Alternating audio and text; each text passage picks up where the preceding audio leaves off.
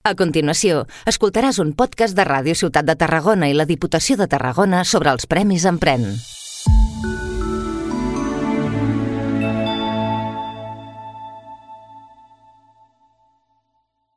Benvinguts i benvingudes en aquest espai de la Diputació de Tarragona aquí a Ràdio Ciutat de Tarragona, un espai radiofònic on ja sabeu que estem doncs, coneixent a vuit dels premiats de la passada edició dels Premis Empren 2022 de la mateixa Diputació de Tarragona. Avui coneixem el projecte Let's Ebau.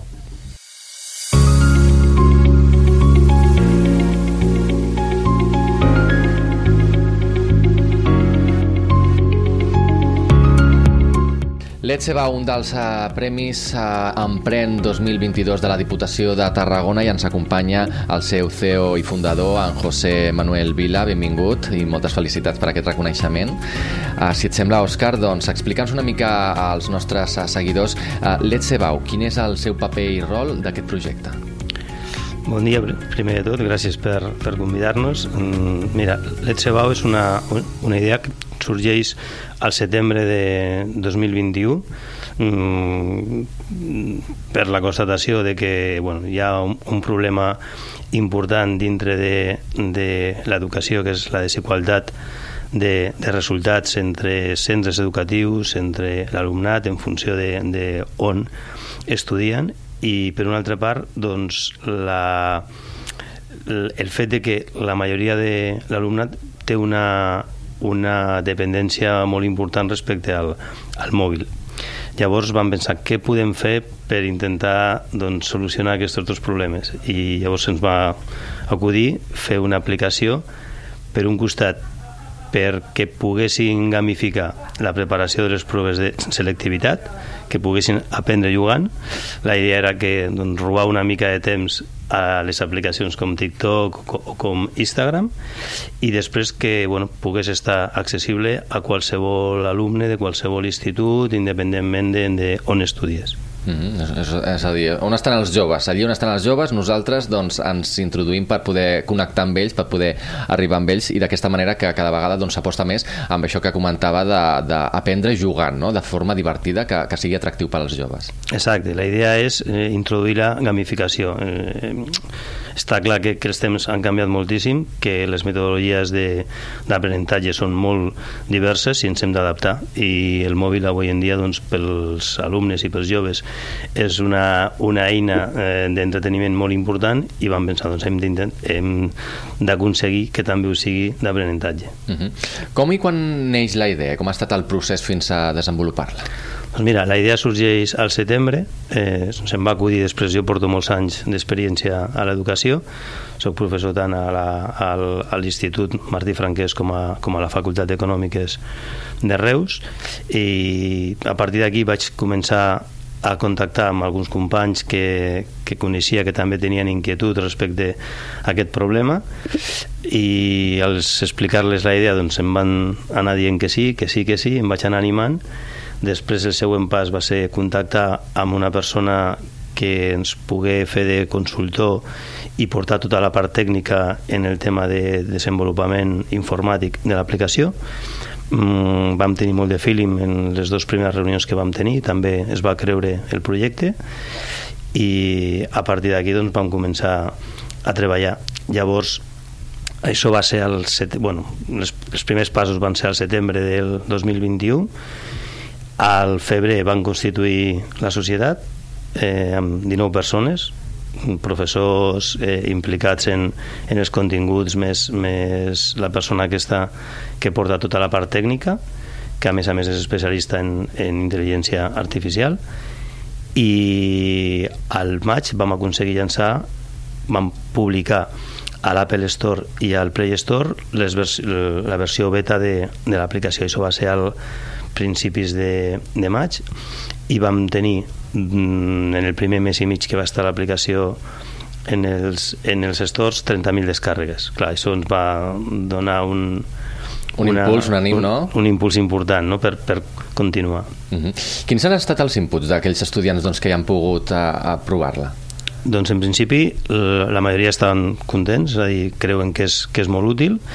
Eh, és veritat que ens van donar feedback respecte a coses que ells canviarien i és el que estem fent de cara a la nova versió que volem llançar ara a principis de, de març. Per exemple, en la versió anterior, quan contestaven una pregunta si estava eh, si s'havien equivocat el, si sortia ja un, un soroll de, malament però no podien tirar enrere per veure la solució, ara sí que poden tirar enrere també ens van dir que seria interessant que poguessin estudiar per temes i la versió d'ara també la tindrem per temes. També, això ja ho sabíem, que era, era important mm, aquí en Catalunya tenir-la en català i clar, nosaltres quan la van llançar la van llançar totalment en castellà però ara ja tenim la, la versió en català pels, pels instituts d'aquí de Catalunya i en general bueno, la majoria estaven contents, creuen que és, que és bastant útil i, que és divertida. Me venia al cap ara que és traslladar una mica la idea de, dels tests de, de conduir no? també al, a l'àmbit acadèmic. Uh, quan vau decidir per què doncs, presentar-vos als premis, als premis Emprèn de la Diputació?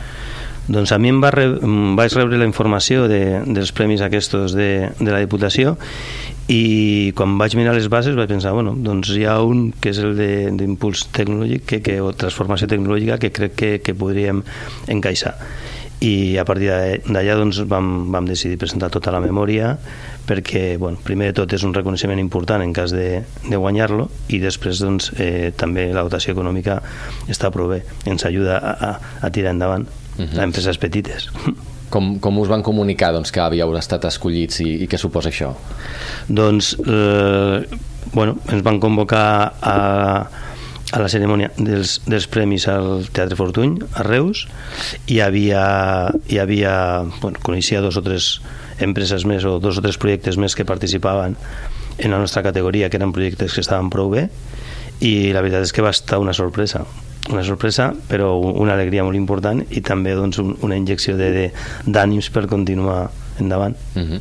Dèiem que ja estava disponible en versió beta. Quines seran les properes passes? Doncs eh, això, eh, en principi ara estem treballant en llançar la, la nova versió, mm, que en principis de març hauria d'estar ja en el, en el Play Store i en el, i en el Apple Store, i a, a partir d'aquí el que volem ara és concentrar els usuaris, perquè l'any passat vam tenir els usuaris molt dispersos, els 30.000 usuaris que vam, vam aconseguir de descàrregues no sabem eh, on estan, no sabem si hi ha 10 de Barcelona, 15 de Girona 30 de Madrid i ara el que volem és tenir els usuaris concentrats en els centres educatius.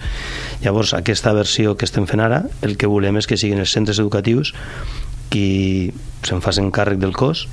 L'any passat era gratuïta però clar, com totes les millores que hem fet aquest any i la inversió doncs hem decidit que la versió sigui de, de pagament a un cost molt baix perquè sortirà a, a menys de 10 euros per alumne i any però que siguin els centres educatius qui se'n facin càrrec. També amb la col·laboració d'empreses. De, Volem que hi hagi empreses que s'involucrin sobretot per doncs, poder patrocinar o sponsoritzar centres educatius eh, que tinguin menys recursos. Uh -huh. Quins inputs esteu rebent doncs, d'aquests doncs, centres educatius? Estan disposats, estan animats a implantar-la? Bueno, de moment, i eh, amb els que hem parlat, en principi estan interessats en veure la, la nova versió. La de l'any passat els hi va semblar eh, que és, que és atractiva i jo crec que quan vegin la d'aquest any, que és molt millor, doncs suposo que sí, que estaran, que estaran animats. Segur que sí. I ja per acabar, un missatge doncs, a altres persones que estiguin doncs, emprenent i que estiguin doncs, a, tenint projectes en marxa, idees, que és molt important tirar-les endavant a, a, a partir de l'experiència. Què els hi podríem dir? Jo ho recomano, mm, més que res perquè après moltíssim, això és, això és una cosa que, que eh, no em canso de repetir en tot aquest, en tot aquest període que portem doncs, menys d'any i mig, tota la gent que estem dintre del projecte hem après moltíssim. És veritat que, que costa molt, costa molt perquè implica doncs, molt de temps, eh, i després jo els animaria a participar en, en aquest tipus de, de premis perquè et fan com a mínim t'obliguen a, a seure, a, a elaborar tota la documentació necessària per fer el pla d'empresa, a revisar-lo, a sentar-te un altre cop a tornar a fer els números perquè, perquè quadrin el que sigui les expectatives que tu tenies i les previsions, mm, revisar-les, veure què és el que has d'anar canviant per intentar assolir aquells objectius, mm, jo crec que, que, que els animaria. Una bona excusa per posar-se les piles i no deixar-ho, que a vegades aquestes coses es van allargant Exacte. es van deixant, es sí. van deixant de, de banda. Mm. Doncs a José Manuel Vila, CEO i fundador de Let's Ebau, nosaltres agraïm que ens hagis acompanyat per donar-nos més detalls d'aquesta aplicació que, com dèiem, doncs, anima els joves a, doncs, aprendre jugant i d'una forma més divertida. Moltes gràcies i moltes felicitats per la iniciativa. Gràcies a vosaltres. I a vosaltres, gràcies per la vostra atenció en aquest espai radiofònic de la Diputació de Tarragona aquí a Ràdio Ciutat de Tarragona per conèixer diversos premiats de la passada edició dels Premis Amplem. Fins la propera.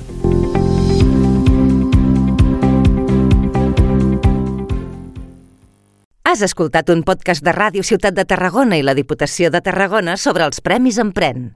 Has escoltat un podcast de Ràdio Ciutat de Tarragona i la Diputació de Tarragona sobre els Premis Empren.